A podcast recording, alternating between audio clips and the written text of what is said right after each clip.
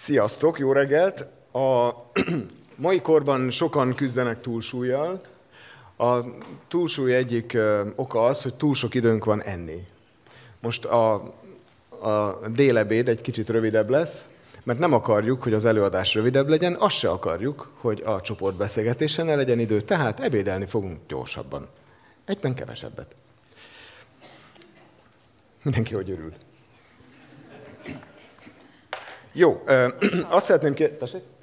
Ez, ez rossz kezdés volt. Oké. Okay. Tehát a, azt szeretném, hogy gondold végig, hogy hány fős egy család. Tehát így azt mondod, hogy család, hány ember képződik meg előtted, és így dob fel a kezed egy vagy kettőt, vagy hát ha van több, akkor megpróbáltad úgyis, vagy kevesebb. Tehát lényeg, hogy tedd fel a kezed, és mutasd azt a számot, ahány fős szerinted egy család. Három, kettő, egy, most.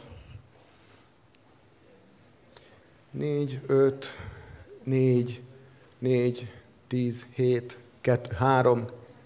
Aha. Jó, köszönöm szépen, megosztanak a vélemények.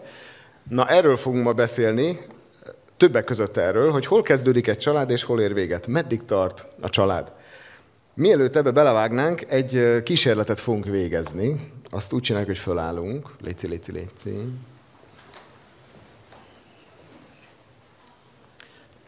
Jó, és a, megpróbáljuk a kapcsolatokat modellezni. Ez úgy fog történni, hogy így a, aki a közeledben van, egy elérhető közelségbe, ilyen váll, vagy kar, vagy kéz érintés, tehát, és akkor egy kicsit hozzáérsz, és így hadd érezze, hogy most őt észrevette, egy kicsit megszorítod, nem, nem állatmódon, csak tényleg, hogy érezze. Úgy is lehet maradni, meg azt is lehet, hogy tényleg csak megérinted, megszorítod, elveszed a kezed. Gondolkodhatok minden irányba, Oké, okay, látom, vannak high five-ok. Jó, alakuljanak ki azok a kapcsolatok. Születnek és abba maradnak. Szuper, köszönöm szépen. Ez egy ilyen rendezetlen, rendezetlen kapcsolatrendszer volt. Most egy másfajta, hm, másfajta hullámot indítunk. Azt szeretném kérni, hogy aki hátul van, tehát aki mögött úgy nagyjából nincsen senki, tehát aki hátul van, tegye valakinek a vállára a kezét, aki előtte van, tehát aki hátul van, tegye rá, és így gondolatban áldja meg. Nem kell mondani semmit, csak úgy gondolatban áldja meg. És egy kicsit is szorítsd meg, hogy érezze, hogy ott vagy. És aki kapott ilyet, az adja tovább előre.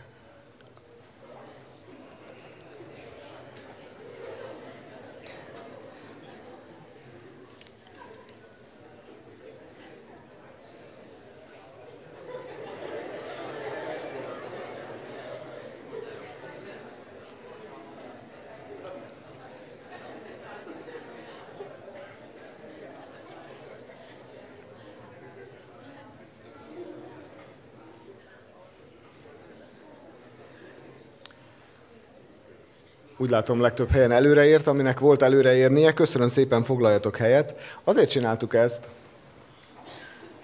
mert családon belül hatások keletkeznek és adódnak tovább, és áldások születhetnek és adódhatnak tovább. A hatások lehetnek jók és rosszak, az áldások mindig csak jók. Ezekről az összefüggésekről fogunk majd együtt gondolkodni. Mitka. Tudjátok-e, hogy honnan van ez a szó, hogy család? Hát igen. Képzeljétek el, ez egy ős szláv szó, cseljad szóból van, és ebből két magyar szó is keletkezett, egy magas és egy mély hangrendű szó. A mély nyilván a család, és a magas cseléd. Abban az időben, kaptuk, vagy hoztuk, vagy vettük át ezt a szót, amikor már ház mennyiségű ember volt a család, ahogy jelentkeztetek is jó néhányan, mert eredetileg a magyar a nemzetség szót használta, mert hogy nemzet, tehát ilyen értelemben az ő számukra egy sokkal nagyobb közösséget jelentett, tehát nem a család szintűt, hanem, hanem egy nagyobb összetartozást jelentett. Valójában a nevünk is ezt hordozza, hogy először van a családnevünk, és aztán a keresztnevünk. Ezt a körülöttünk élő népek közül egyik sem gyakorolja, sőt, a világon rajtunk kívül csak másik három nép. Az összes többi népnél a keresztnév van elől, és utána a családnév. Tudja valaki, hogy hol, melyik országokban van az, hogy a családnév az első? Japán, Kína és Korea. Igen, így van, ők válaszoltak jól. Mert hogy mi is onnan keletről jöttünk. Akárki akármit mond. Ezek a, ezek a jelzések, hogy a család előbb van, mint én, és én a család egy folytatása vagyok, nekem, nekem vannak kötelességeim, lehetőségeim, van egy, van egy vonulat bennem, amit valamilyen módon tovább adhatok. Ez nagyon, nagyon lényeges dolog, de valójában azt látjuk, hogy maga a Biblia is egy hatalmas családtörténet. Eszméletlen mennyiségű családtörténeti vonulat van. Nem tudom, a bibliaolvasó kalauzt olvassa valaki közületek? Hú, jó, kevesen, jó, oké. Okay. A bibliaolvasó kalauz azért jó, mert hogy az a református közös biblia olvasás, három év alatt az egész bibliát végigolvassuk, de azért nagyon lényeges, mert hogyha én mondjuk vasárnap fölmegyek a szószékre, és a bibliaolvasó kalauz aktuális ige szakaszát veszem, akkor tudom azt, hogy az ott ülő emberek is azt olvasták reggel. Tehát sokkal könnyebben tudunk egymáshoz kapcsolódni, vagy közös utat keresni, amelyen bennünket Isten vezethet. Na, azt akartam csak mondani ezzel az egésszel, hogy ebben a bizonyos eh, bibliaolvasó kalauzban ma a Mózes első könyve van, vagy ma, ma, ma is, a 13. rész, tehát egy jó pár eh, hétig még ez a bizonyos egy Mózes, így szoktuk mondani, lesz. Ami kifejezetten családtörténet. Tehát ha valaki sztorikat szeret olvasni, családokról szeretne olvasni, akkor ezt a bibliai könyvet érdemes elővenni, és ebből a bibliai könyvből olvasni. Most csak magamat látom, majd mindjárt kiderül, látom. Ah, szuper. Ez most már a második előadás, mert ugye tegnap is a bemutatkozás volt, az volt a család egy, ez a család kettő. Minden nap próbálunk néhány idézetet is kiírni, lesz egy bibliai szakasz, amiről egy kicsit mélyebben gondolkodunk, és lesznek kérdések, valamint egy definíció, amit szeretnénk a végén megállapítani. Hát reméljük, hogy beleférünk az időbe. Ezt én váltottam? Oké, okay, jó. Ez a bizonyos család történet, amiről itt szeretnék majd picit vagy többet is mondani, ez most visszafelé megy. József életét vizsgáljuk. József az a valaki, talán így régen gyerekisten tiszteletről még ismerősek ezek a történetek. József volt az, akit a testvérei bedobtak a kútba, és Egyiptomba került rabszolgának, majd rabszolgá, rabszolga mi voltában még ráadásul börtönbe is került, tehát egy hihetetlen nagy vagy dupla mélységbe, így is lehet mondani, és mégis nagyon fontos dolgok történtek meg általa. József az ő családjának az áldozata volt, a többi illetve hát az előtte levő tíz testvére volt az, aki megutálta őt, és bedobta ebbe a bizonyos ciszternába vagy kútba. Tudjátok-e, hogy miért gyűlölték, vagy tudja valaki? Így van, neki szőtték a színes köpenyt, de tökéletes, így van. És miért, mit jelentett az a színes köpeny? Ugye a rajzfilm is ennél kicsit többet, igen, ezt is, de ilyen színes köpen csak azok hordtak, akik nem dolgoztak. Tehát őt, így mondhatom, úrnak szánták vagy nevelték. És ráadásul ez a drága József még korábban álmokat is látott, és ezt nagy óvatlanul elmesélte a testvéreinek. Na, ezeket olvassátok el, jó, most Józsefen nem megyünk tovább. Nagyon izgalmas történet, hosszú fejezeteken keresztül nem fogjátok tudni letenni. Menjünk egyel előbbre. József édesapja, Jákob. Én váltok? Mindegy. Az a lényeg megjelenik. Jákob. Ki ez a Jákob? Jákob egy iker testvér. Van közöttetek iker? Vannak néhányan, jó.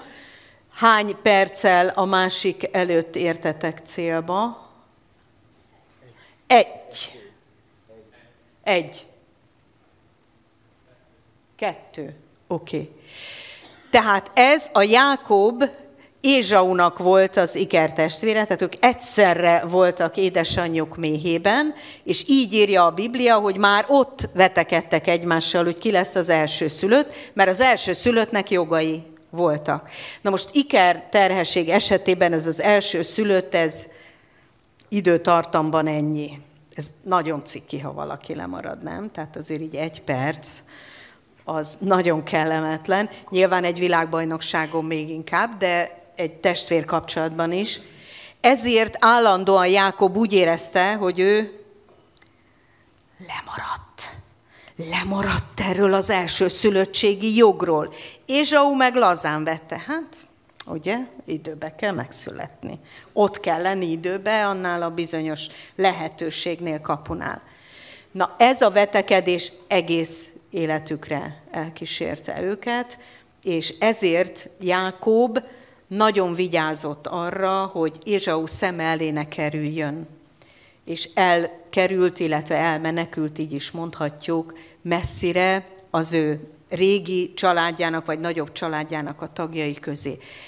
De a menekülésben egy hihetetlen megerősítést kapott, és ezt szeretnénk most eredetiből a Bibliából idézni.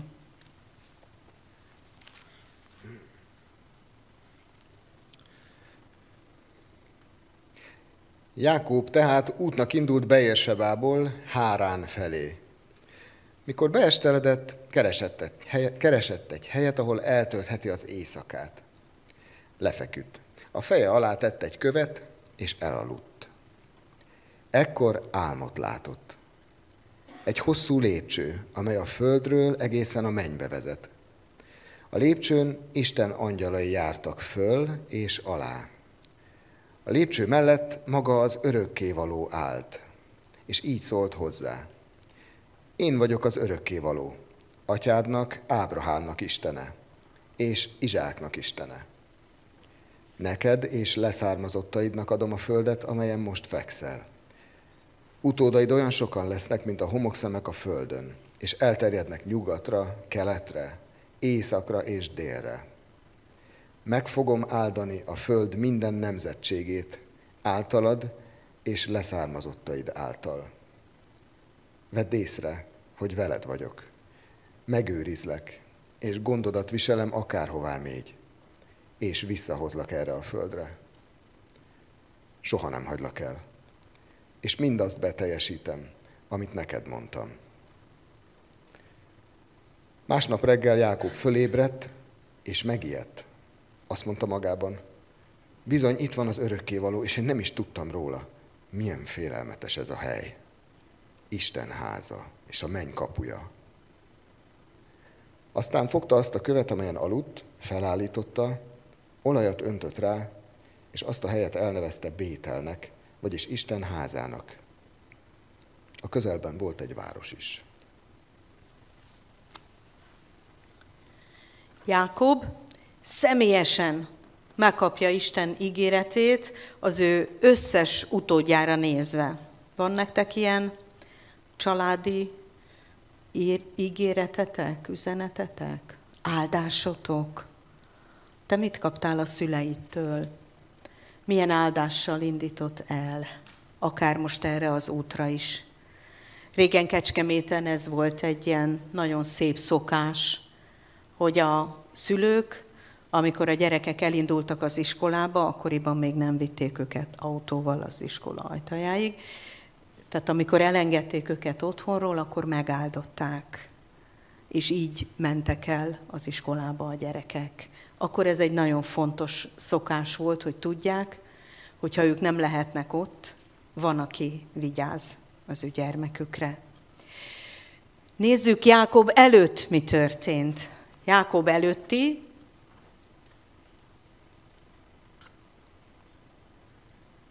nem biztos, hogy megy.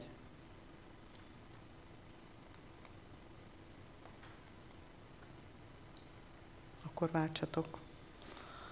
Oké. Okay. Jákob édesapja Izsák.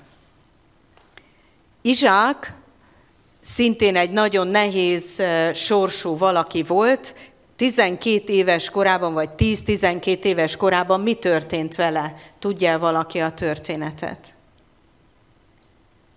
Izsák.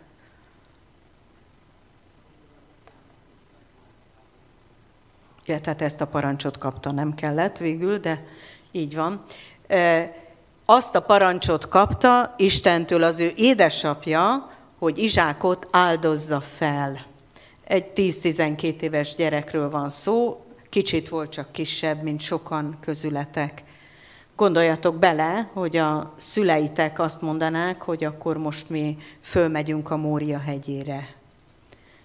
És látnátok, hogy van tűzifa, van kés, de nincs áldozati bárány, ami ugye a feláldozást jelenteni. Szerintem Izsákba is végigcikázott ez a gondolat, hogy vajon mi lesz. Kierkegaard, a Dán filozófus, egy egész regényt írt erről, hogy mi minden mehetett végre Ábrahámban és Izsákban, ezen a bizonyos úton, ahogy mentek föl ketten ott a hegyre, melyikük mit gondolt erről, hogy Isten mit akar ezzel az áldozattal. És ez az Izsák, ez nagyon szorosan kötődött a szüleihez, nem is maradt, vagyis nem is nősült meg, hanem otthon maradt, és 40 éves korában az ő édesapja gondoskodott neki feleségről, aki aztán ezt a bizonyos Jákobot és Ézsaut szülte. És akkor menjünk még egyel korábbra. Most. Oké. Okay. A legkorábbi akinek Isten üzenete szól, Ábrahám. Ábrahám neve talán a legismerősebb minnyájatoknak. Ábrahám kapta az első nagy ígéretet, ezt is hallgassuk most meg.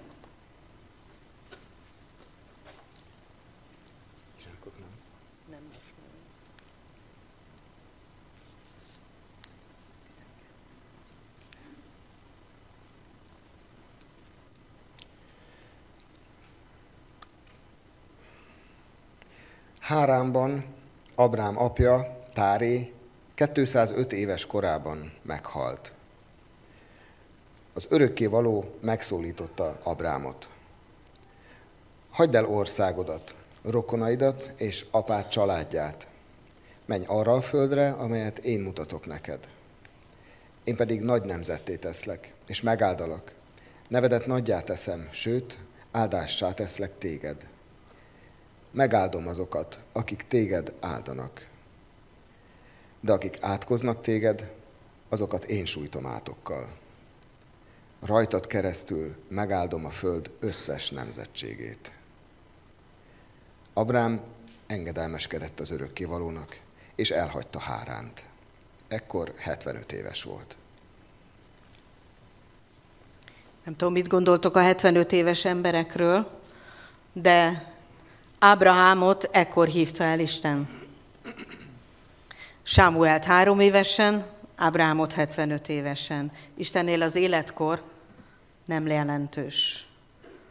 Az számít, hogy ki mikor kezd el odahallgatni rá.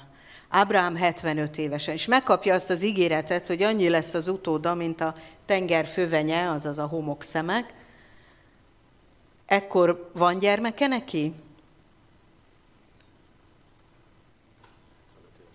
75 évesen nincs gyermeke. És azt az ígéretet kapja Istentől, hogy annyi lesz az utódainak a száma, mint a csillagok, meg mint a homokszemek. Elhittétek volna ezt az ígéretet? 75 évesen. Még most se biztos, hogy elhinnétek, pedig azért még előttetek az élet. Ábrahámot ezért nevezzük a hitatjának, mert ő elhitte. És még ez után, az ígéret után, tudjátok hány évet várt, mire valóban lett neki az úgynevezett elsőszülött gyermeke, azaz Izsák? További 15 évet. Hihetetlen, elképzelhetetlen ez a hűség és ez a hit, amivel Ábrahám kitartott. Igaz, Isten megerősítette még kétszer is ezt az ígéretet, de hát akkor is. Az a bizonyíték Istennek, ha valamit megtesz, nem? Imádkoztok, megteszi. Igen, akkor Isten van, Isten megáldott. Imádkoztok, úgy érzitek, hogy Isten meghallgat, de nem teszi meg, akkor Istent kérdőjelezzük meg, nem? Á, nem is figyel rám. Á, nem is akarja. Á, biztos félreértettem. Pedig Isten számon tartja minden ígéretét. Azt is, amit a családjaitoknak adott, és azt is, amit személyesen nektek adott. Nagy örömöm volt a tegnapi napban, hogy amint kitettem a Facebookra ezt a bizonyos Anna által ihletett selfit, akkor azonnal elkezdtek rám írni a szüleitek, hogy ott van a fiam, a lányom, figyelj rá!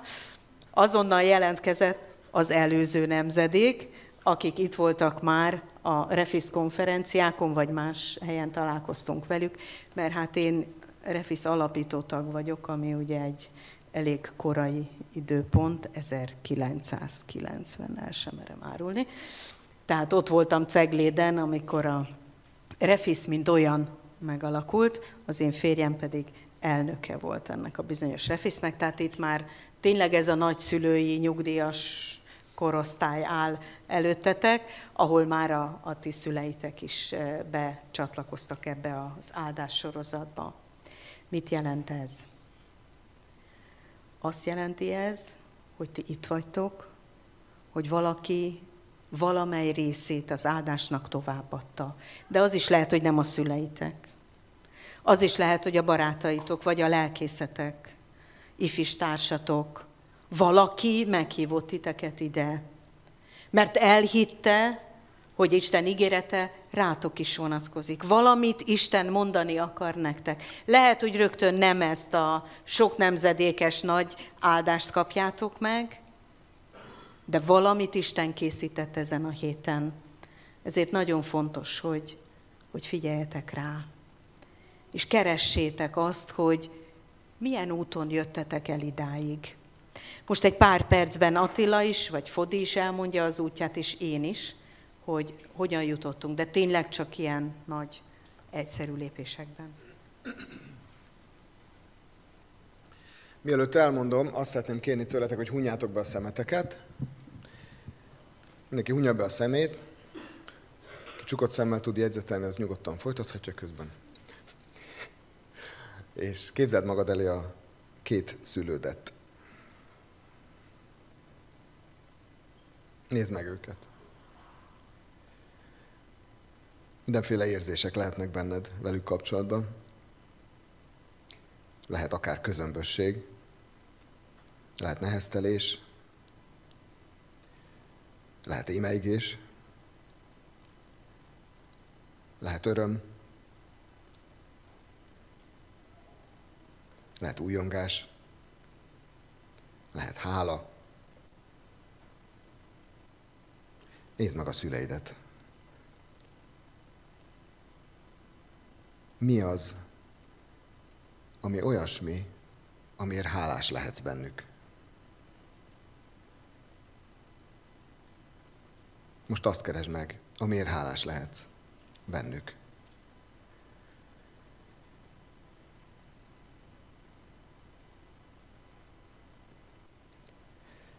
Képzeld mögéjük a négy nagyszülődet, akkor is, ha nem ismerted őket, vagy valamelyiket. Lásd őket valahogyan, mögöttük, magad előtt.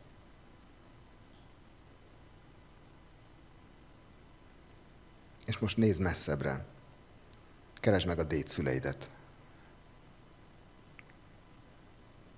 Milyen emberek? Honnan jöttek? Hol telepettek le?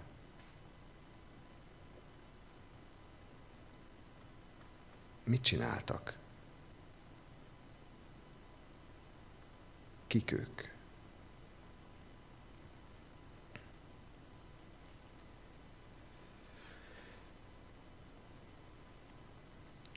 Engedd őket, hadd menjenek útjukra.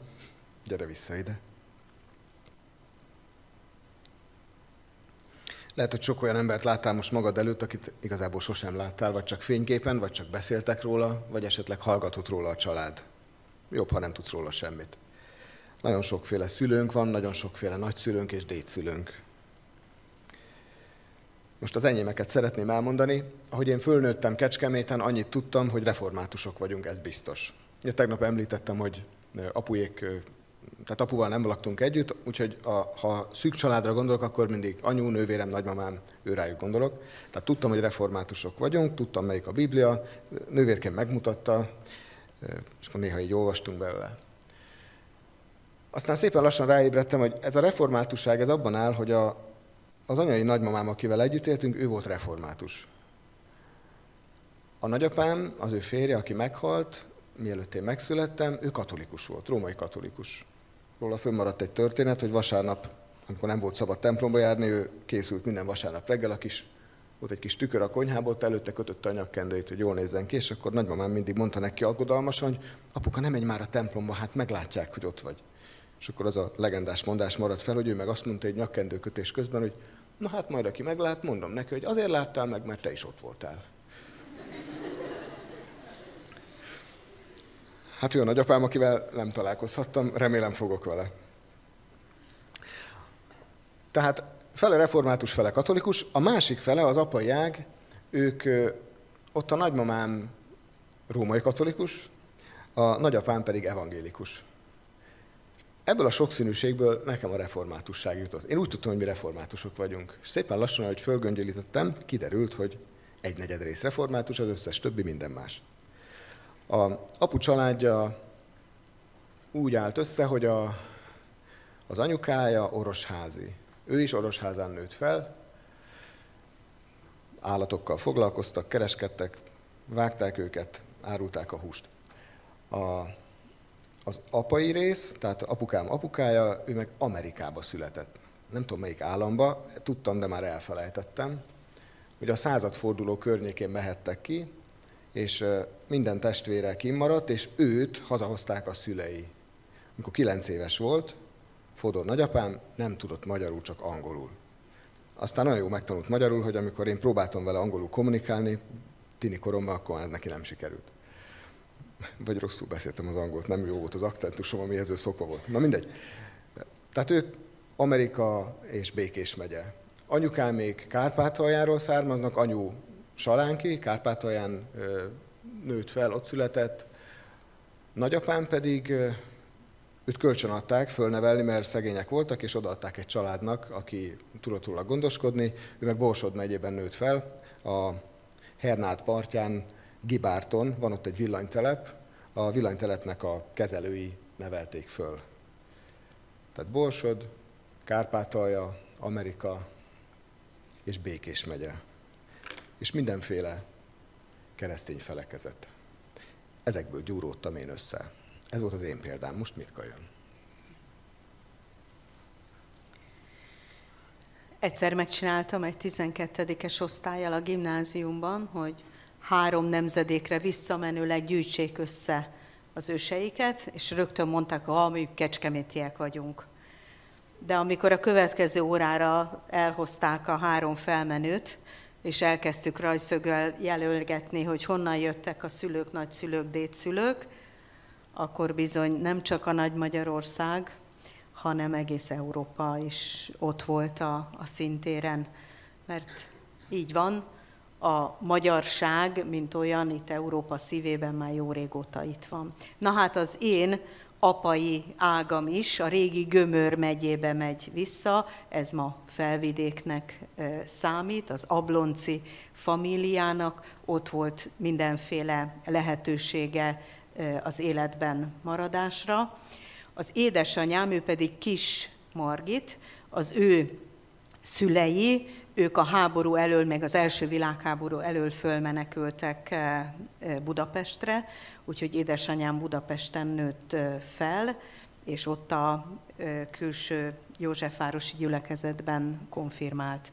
Alapvetően a két család rész, tehát az én szüleim, ők az SDG, a Solideo Gloria diák mozgalomban találkoztak össze, mind a ketten csoportvezetők voltak, az édesanyám a lány, az, édes, az édesapám pedig a fiú csoportoknak a vezetője volt, és aztán egy ilyen vezetői továbbképzésen találkoztak egymással. Ez azt is jelzi, hogy az előző nemzedékeknél a hagyományos kereszténység megvolt, de valójában a belső elköteleződés, a szív szerinti elköteleződés nem. És aztán ők, amikor összetalálkoztak, 1941-ben volt az esküvőjük, utána vállalták fel ezt a, ezt a tíz gyermeket, és neveltek föl bennünket becsületben. Alapvetően mind a két család református, tehát hosszú századokra visszamenően. A kis család eredetileg Dunavecse, tehát a kiskonságnak a, a helyéről származik, jó makacs, kemény kunok voltak a, az ősök, tehát ilyen értelemben sokféle vér, sokféle elgondolás találkozott a, a szüleimben, bizonyára a gyermekvállalásukban is megmutatkozott ez, de az egész életüknek a hűséges, kitartó munkájában is. Tehát ez az életutam. Milyen a te életutad? Tudsz-e valamit a, az őseidről? Honnan, hova mentek? Miket hordoztak magukban? Hányféle törés volt a családban? Elszegényedés, vagy akár bármilyen más bántalom, ami akár még hozzád is elér. Hogyan éltek ők, hogyan nevelkedtek föl, milyen lehetőségeket találtak. Lehet, hogy a te szüleid már nem azért váltak el, mert ők annyira el akartak válni, hanem azért, mert hordozták az előző nemzedékeknek a terheit, amit az ő nemzedékük nem tudott megoldani amit már a házasság sem tudott feloldani, és mert nem fordultak Istenhez, ezért az ő házasságuk is ilyen értelemben tönkrement. Tehát mindig egy kicsit korábbra néz, amikor a szüleid életét látod, ők is örököltek sok-sok mindent, áldást is, vagy nehézségeket is, akár átoknak is mondhatjuk, de ez egy nagyon erős szó. Vajon te hogy kerültél ide. Hát erről lehet most a csoportbeszélgetésekben majd ö, beszélgetni, és most, hogyha sikerül, akkor tovább folytatjuk ezt a PPT-t, talán. Ez volt Jákobnak és, és Izsáknak és Ábrahámnak a családfája. És akkor itt, ja bocsánat, visszafelé mentem. És akkor itt van egy definíció, mindig, amit hát igyekeztem úgy összefoglalni olyan mai tudós emberektől, akik gondolkodtak a családról, és próbálták összefoglalni, hogy vajon mit is jelent ez, az a kérdőjel lehet ilyen értelemben a te helyed. És akkor a kérdések,